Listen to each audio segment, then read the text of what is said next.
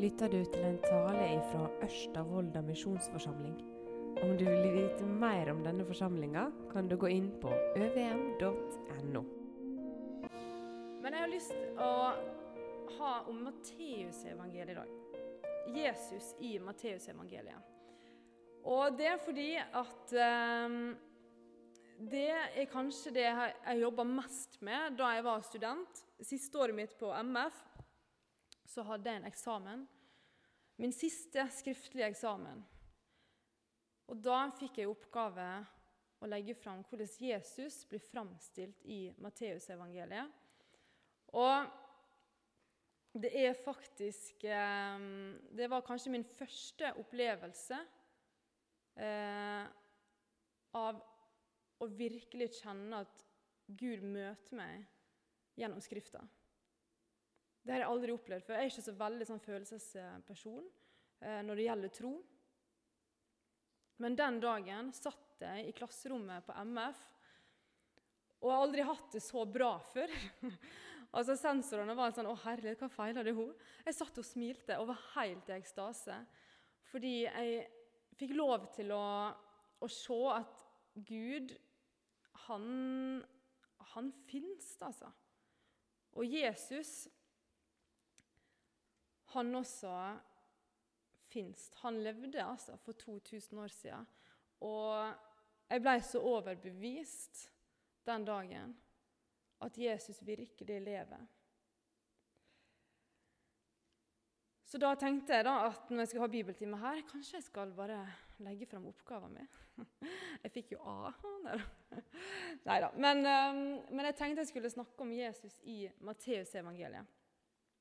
Men først vi starter med Bibelen, fordi nå ser jeg jo at dere kan jo veldig masse fra før av, virker det som.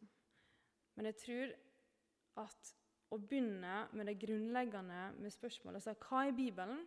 Eh, hvordan kan vi lese den?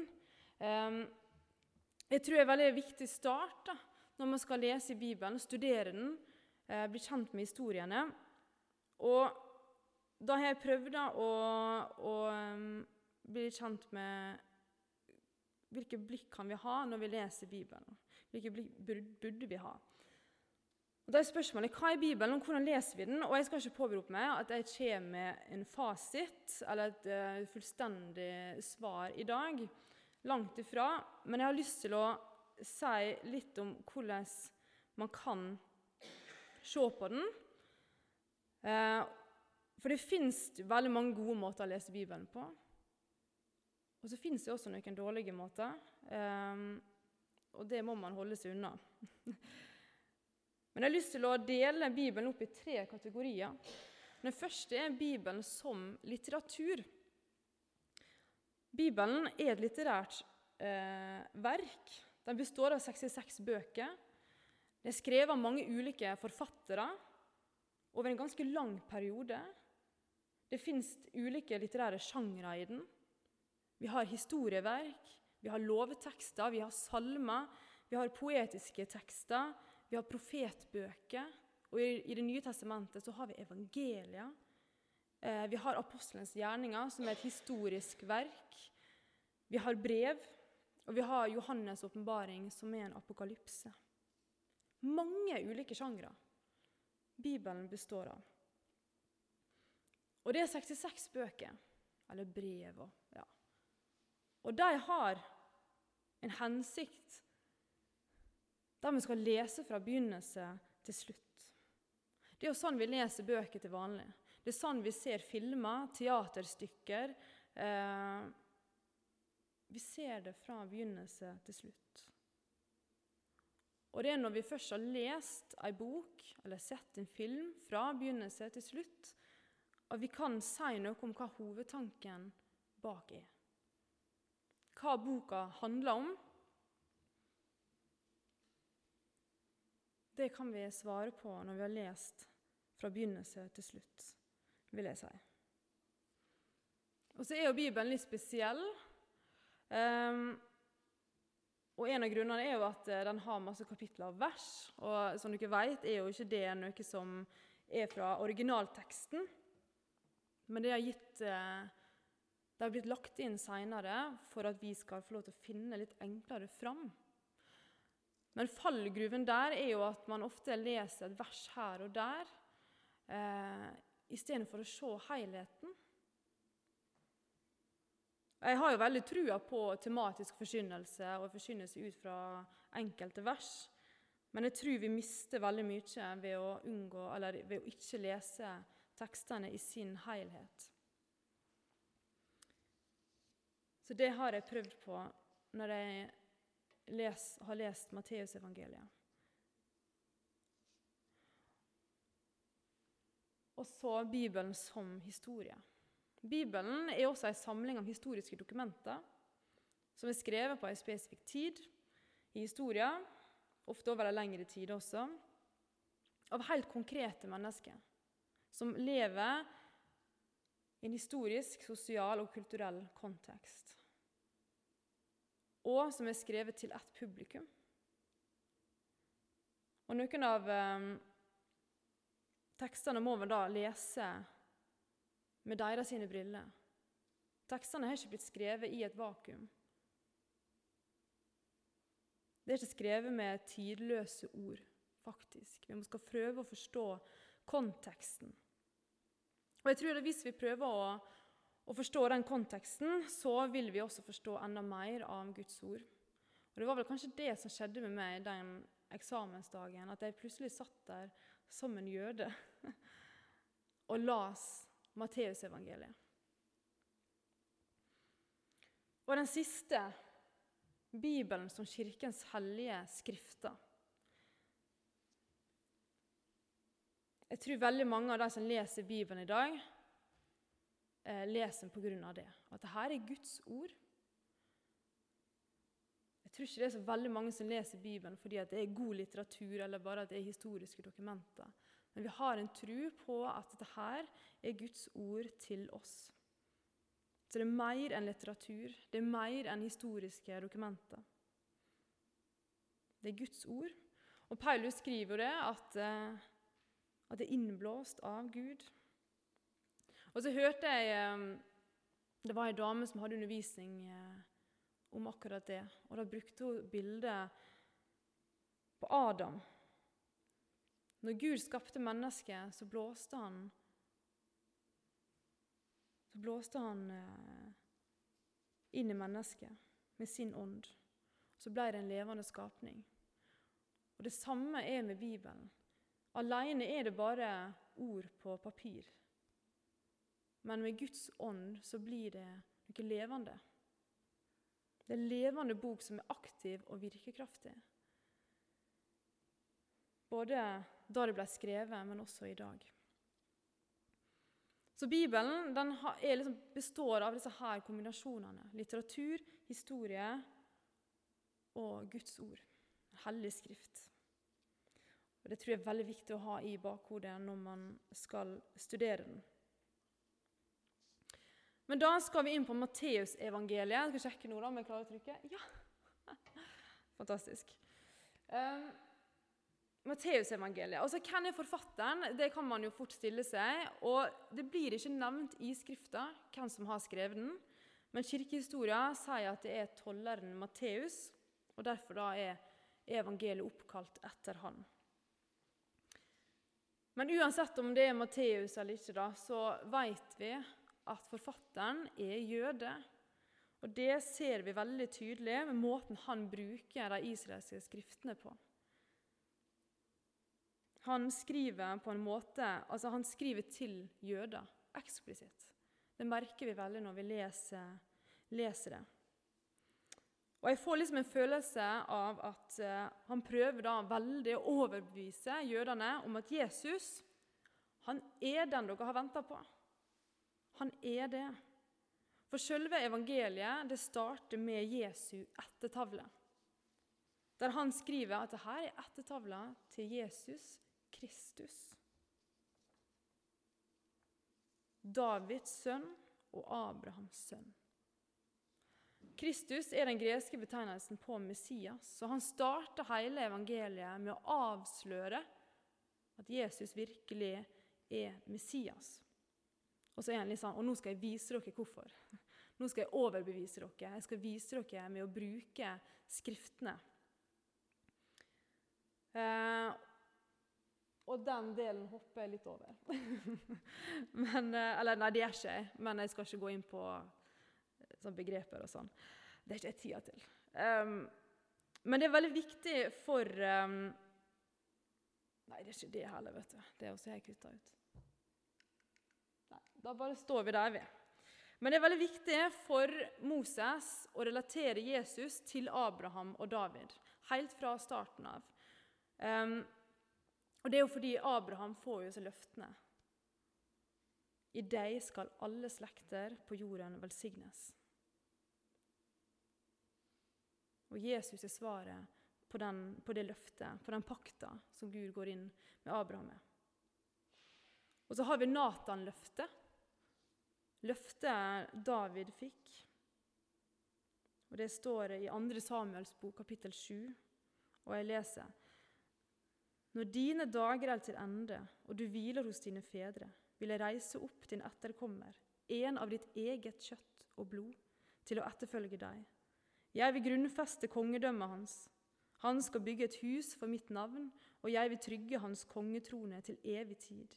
Jeg vil være far for ham, og han skal være sønn for meg. Disse løftene, Abraham og David, de har gjort at jødene har en forventning om at det skal komme en frelser, det skal komme en Messias, en stor konge. Men problemet er jo at Jesus Jeg tror ikke han var helt den de forventa skulle komme. For de forventa en frelserkonge. Konger blir jo sett på som rike, velstående med stor prakt. Jesus derimot ble født av ei jomfru utenfor ekteskapet, i en stall, og han var på flukt sine første leveår.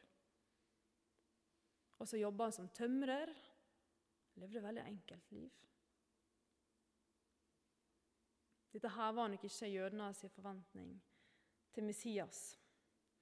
Men Matteus han hjelper leseren til å åpne Skrifta. Og han viser at ja, men folkens, det er dette Skrifta har pekt mot hele veien. Dere har bare snudd litt på det. Se for dere, De, de så, så meg for seg at det skulle komme en frelser som skulle redde dem fra romerne. Men nei, det skulle bli født en frelser som skulle frelse dem fra syndene deres, fra seg sjøl. Og Når vi leser Matteusevangeliet, så gir han hele tida ledetråder. Han legger fram Skriftene, og han argumenterer ganske godt, faktisk for at Jesus sannelig er Messias. Den de faktisk har venta på. Men er dette her en person de vil følge? Er det en de ønsker å tro på? Blir de overbevist? Matteus har faktisk en veldig stor oppgave her. Å legge fram Skrifta.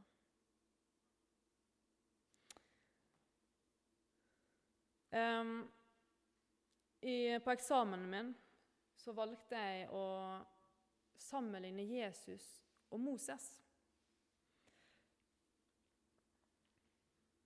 For det var vel det som Der jeg forsto virkelig at det var viktig for Matteus å vise jødene at Jesus, han er, han er mer. Han er større enn Moses, til og med. Og nå skal vi gå gjennom Gå gjennom eh, noen likhetstrekk mellom Jesus og Moses. For Gjennom hele Matteusevangeliet ser vi disse likhetstrekkene. De er ganske gjemte for oss. Jeg trengte en professor eller lærebok da, som kunne hjelpe meg til å se det. Eh, men de første leserne, jødene, de kjente Moses' historie inn ut. Moses var den de fulgte. Det ser vi bare på fariseerne. Hvor viktig Moses var for dem. For de stilte hele tida Jesus til prøve. sånn, Men har Gud virkelig sagt Eller det er kanskje mer djevelen som sier, men de prøver virkelig å sette Jesus på prøve for å få han til å si imot Moses.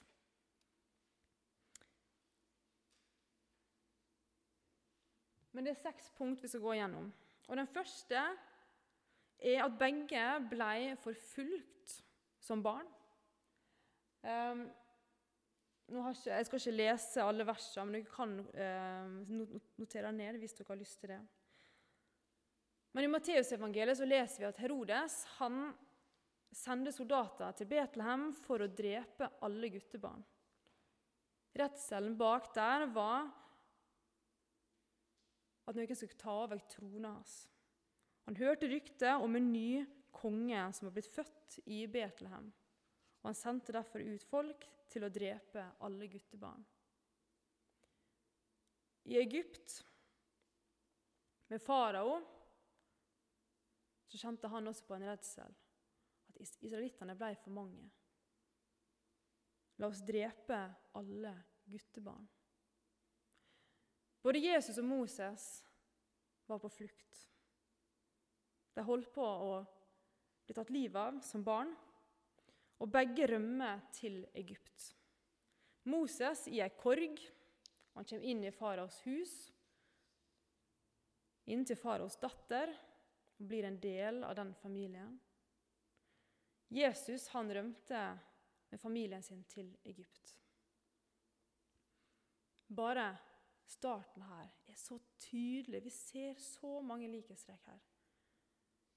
Og Jeg kan tenke meg at jødene som las evangeliet for første gang, så det med en gang. Der er det noe kjent. Hvem kan dette her være? Ja Ja, nummer to kalt ut av Egypt. Begge blir kalt ut av Egypt. Jesus blir det. Og det står jo, eh, Matteus han presiserer da at dette er et profetord som blir oppfylt. Fra Egypt kalte jeg min sønn. For etter at eh, Herodes dør, så vender de tilbake. De reiser ut av Egypt. Men Moses ble også kalt ut av Egypt. Først så rømte han jo ut av Egypt, men så ble han kalt til å føre folket sitt ut av landet. Begge ble kalt ut. Og Det tredje likhetstrekket er at begge fasta. Små greier her, altså. Men Jesus han fasta i ørkenen 40 dager, 40 netter. Spiste ingenting. Han ble frista av djevelen i den tida. Moses han fasta også i 40 dager og 40 netter da han mottok de ti bud på Sinafjellet.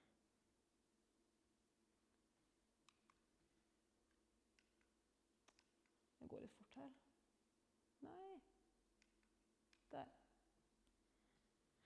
Det fjerde likhetstrekket var at både Jesus og Moses talte til store folkemengder på et fjell.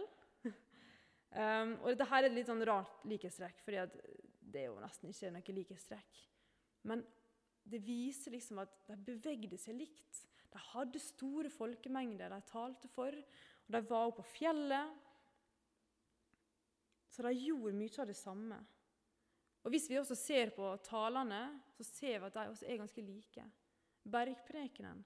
Jesus legger ut lova, utdyper den. Moses også, han la fram lova til folket når han talte.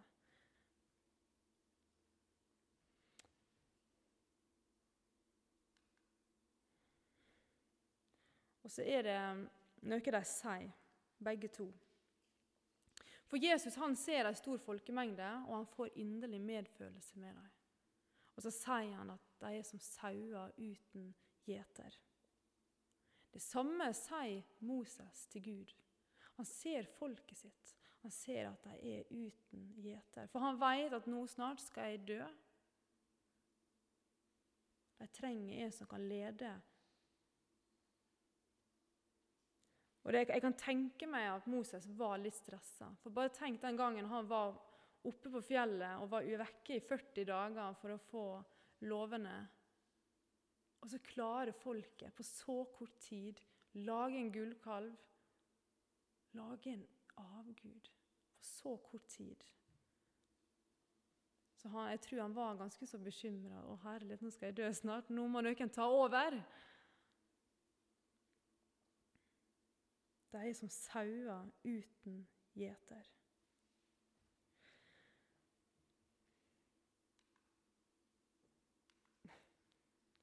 Og siste likhetstrekket, det er på sendelsen.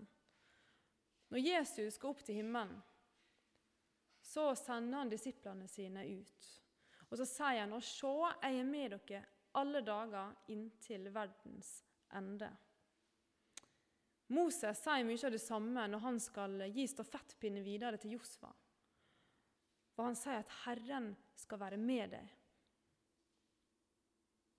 Det står at 'Herren selv skal gå foran deg'. Han skal være med deg. Han svikter deg ikke og forlater deg ikke. Vær ikke redd og mist ikke motet. Gud sier også til Josva, 'Og jeg skal være med deg'. Det er den samme sendelsen.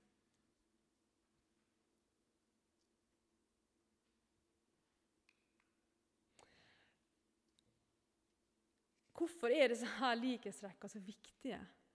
Så, altså, jeg merker jo sjøl at disse er så små. Noen sånn desperate forsøk på å finne noen likhetstrekk. Men jeg tror det er så lett for meg å tenke det fordi at jeg ikke har den samme historien. Men for de første leserne så tror jeg virkelig at disse var tydelige. De så den bevegelsen Jesus hadde. Den var ganske lik Moses.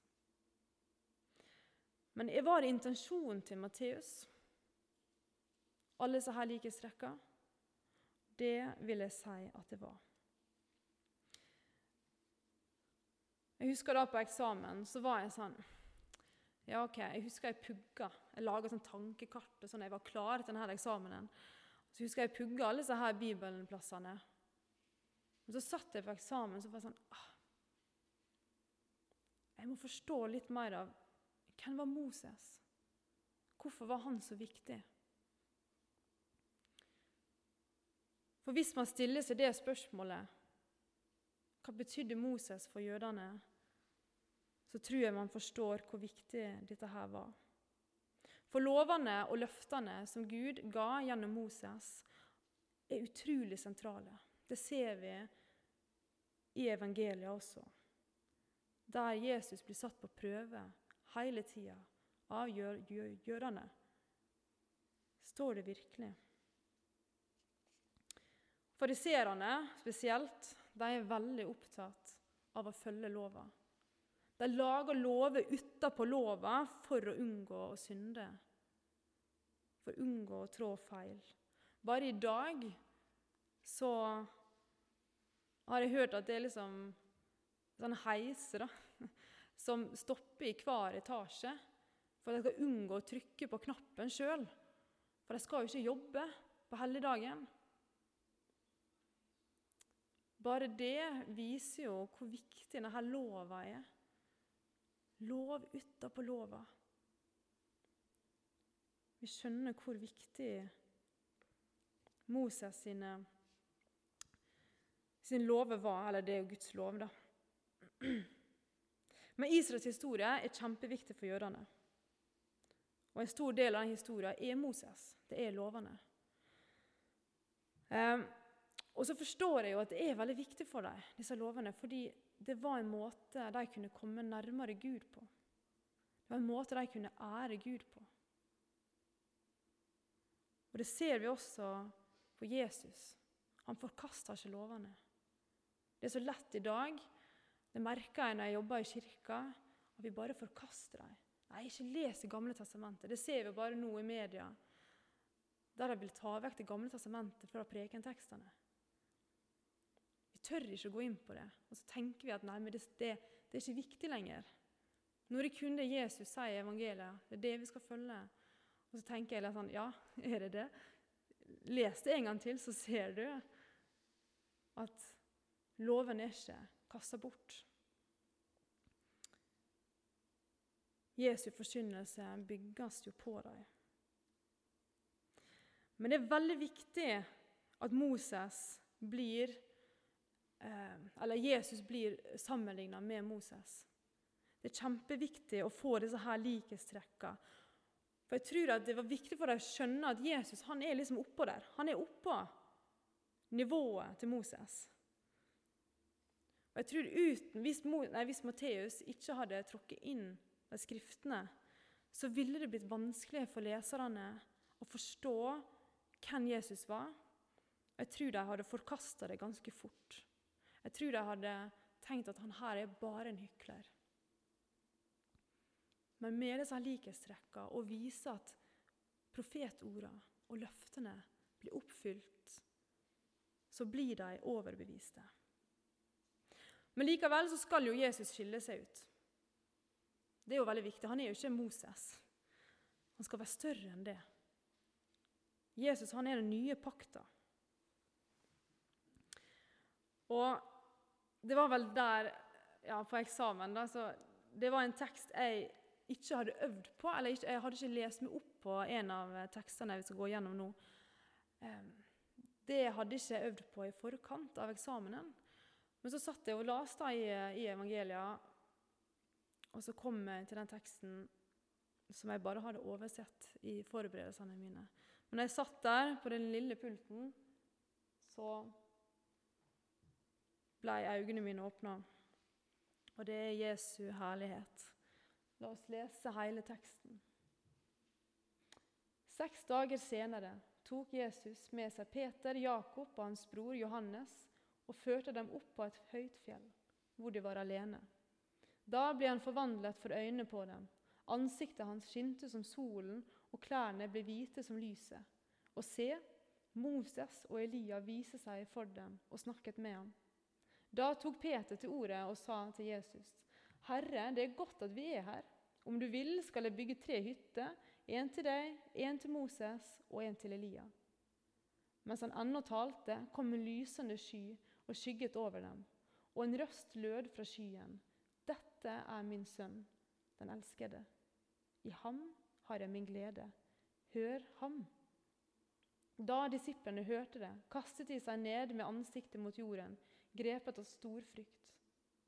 Men Jesus gikk bort og rørte ved dem og sa, Reis dere, og vær ikke redde. Og da de løftet blikket, så de ingen andre enn ham, bare Jesus. Da, da jeg leste det her, så visste jeg ikke helt hvor jeg skulle gjøre av meg. Altså jeg var sånn her, her skjer det. Her setter de liksom Jesus, Moses og Elia Viser alle tre. Og så plutselig så så hører vi sånn Guds stemme. Det er min elskede. Hør ham! Og så plutselig står Jesus igjen. Og Jeg kan tenke meg som jøde på denne tida her å lese dette. Er det han vi skal At han er større? Han trumfer liksom Moses. Han trumfer Elia. Han er Messias. Det er han vi skal høre på nå.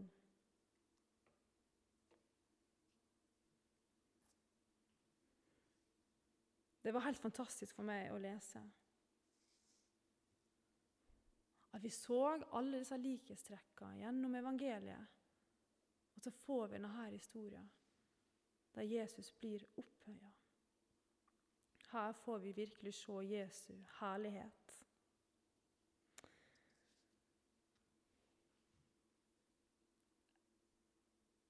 Ja, ser på klokka. Ja. Eh, og så tenkte jeg vi skal inn på en ny oppfyllelse.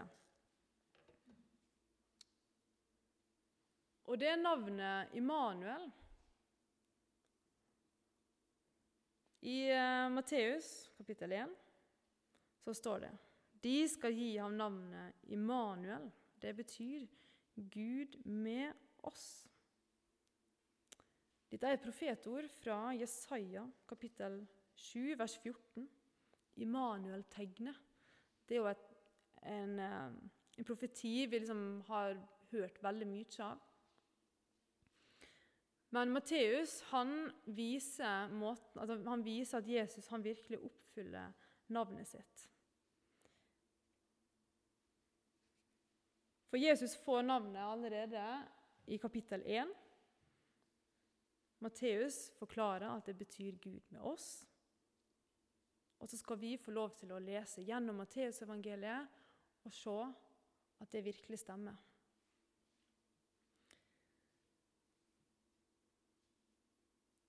På, ja, Da skal jeg gå gjennom litt sånn, en tekst da, som, skal, um, som viser virkelig at, uh, at Jesus er med Gud er med gjennom Jesus på samme måte han var i enkelte skrifter eh, fra Det gamle testamentet. For i Salme 107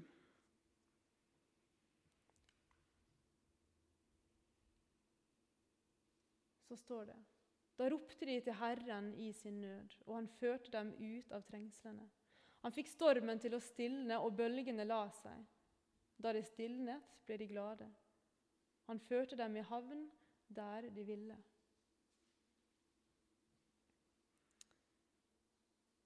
Jesus han viste da han gikk på jorda, at han var med. Når vi leser Matteusevangeliet, så ser vi det. Gud er med i hvert møte Jesus har med et menneske. Men så er det veldig kult at han gjør det på samme måte. Eh, i Matteusevangeliet kapittel 8. Herre, frels, vi går under. Han svarte, hvorfor er dere redde? Dere er lite troende. Så reiste han seg og truet vinden og sjøen, og det ble blikk stille. Mennene undret seg og spurte, hva er dette for en? Både vind og sjø adlyder han. Her får jødene et innblikk i at Jesus han gjør underverker. Han er så mektig at han stilner naturkreftene. Han stiller stormen. Og han gjør det på samme måte som Gud. Først så roper vi 'Herre, berg meg! Redd oss!' Og så svarer han. Han kommer, og så er han så mektig at han kan stille en storm. Gud er med.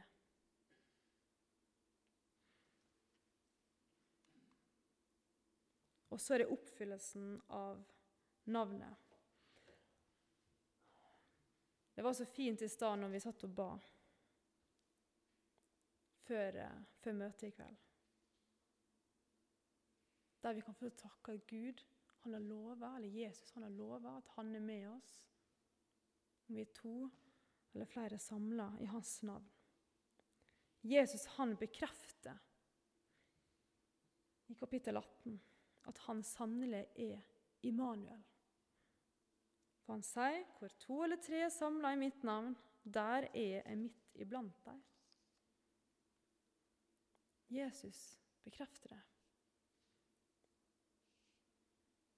Og så blir hele evangeliet avslutta med en endelig oppfyllelse, med at han sier, 'Og sjå jeg er med dere alle dager inntil verdens ende'. Jesus får navnet når han blir født, og siste dagen på jorda så oppfyller han navnet. Og han viser det hele veien. Og så får vi se den endelige oppfyllelsen. At nå kan han være nær inni oss.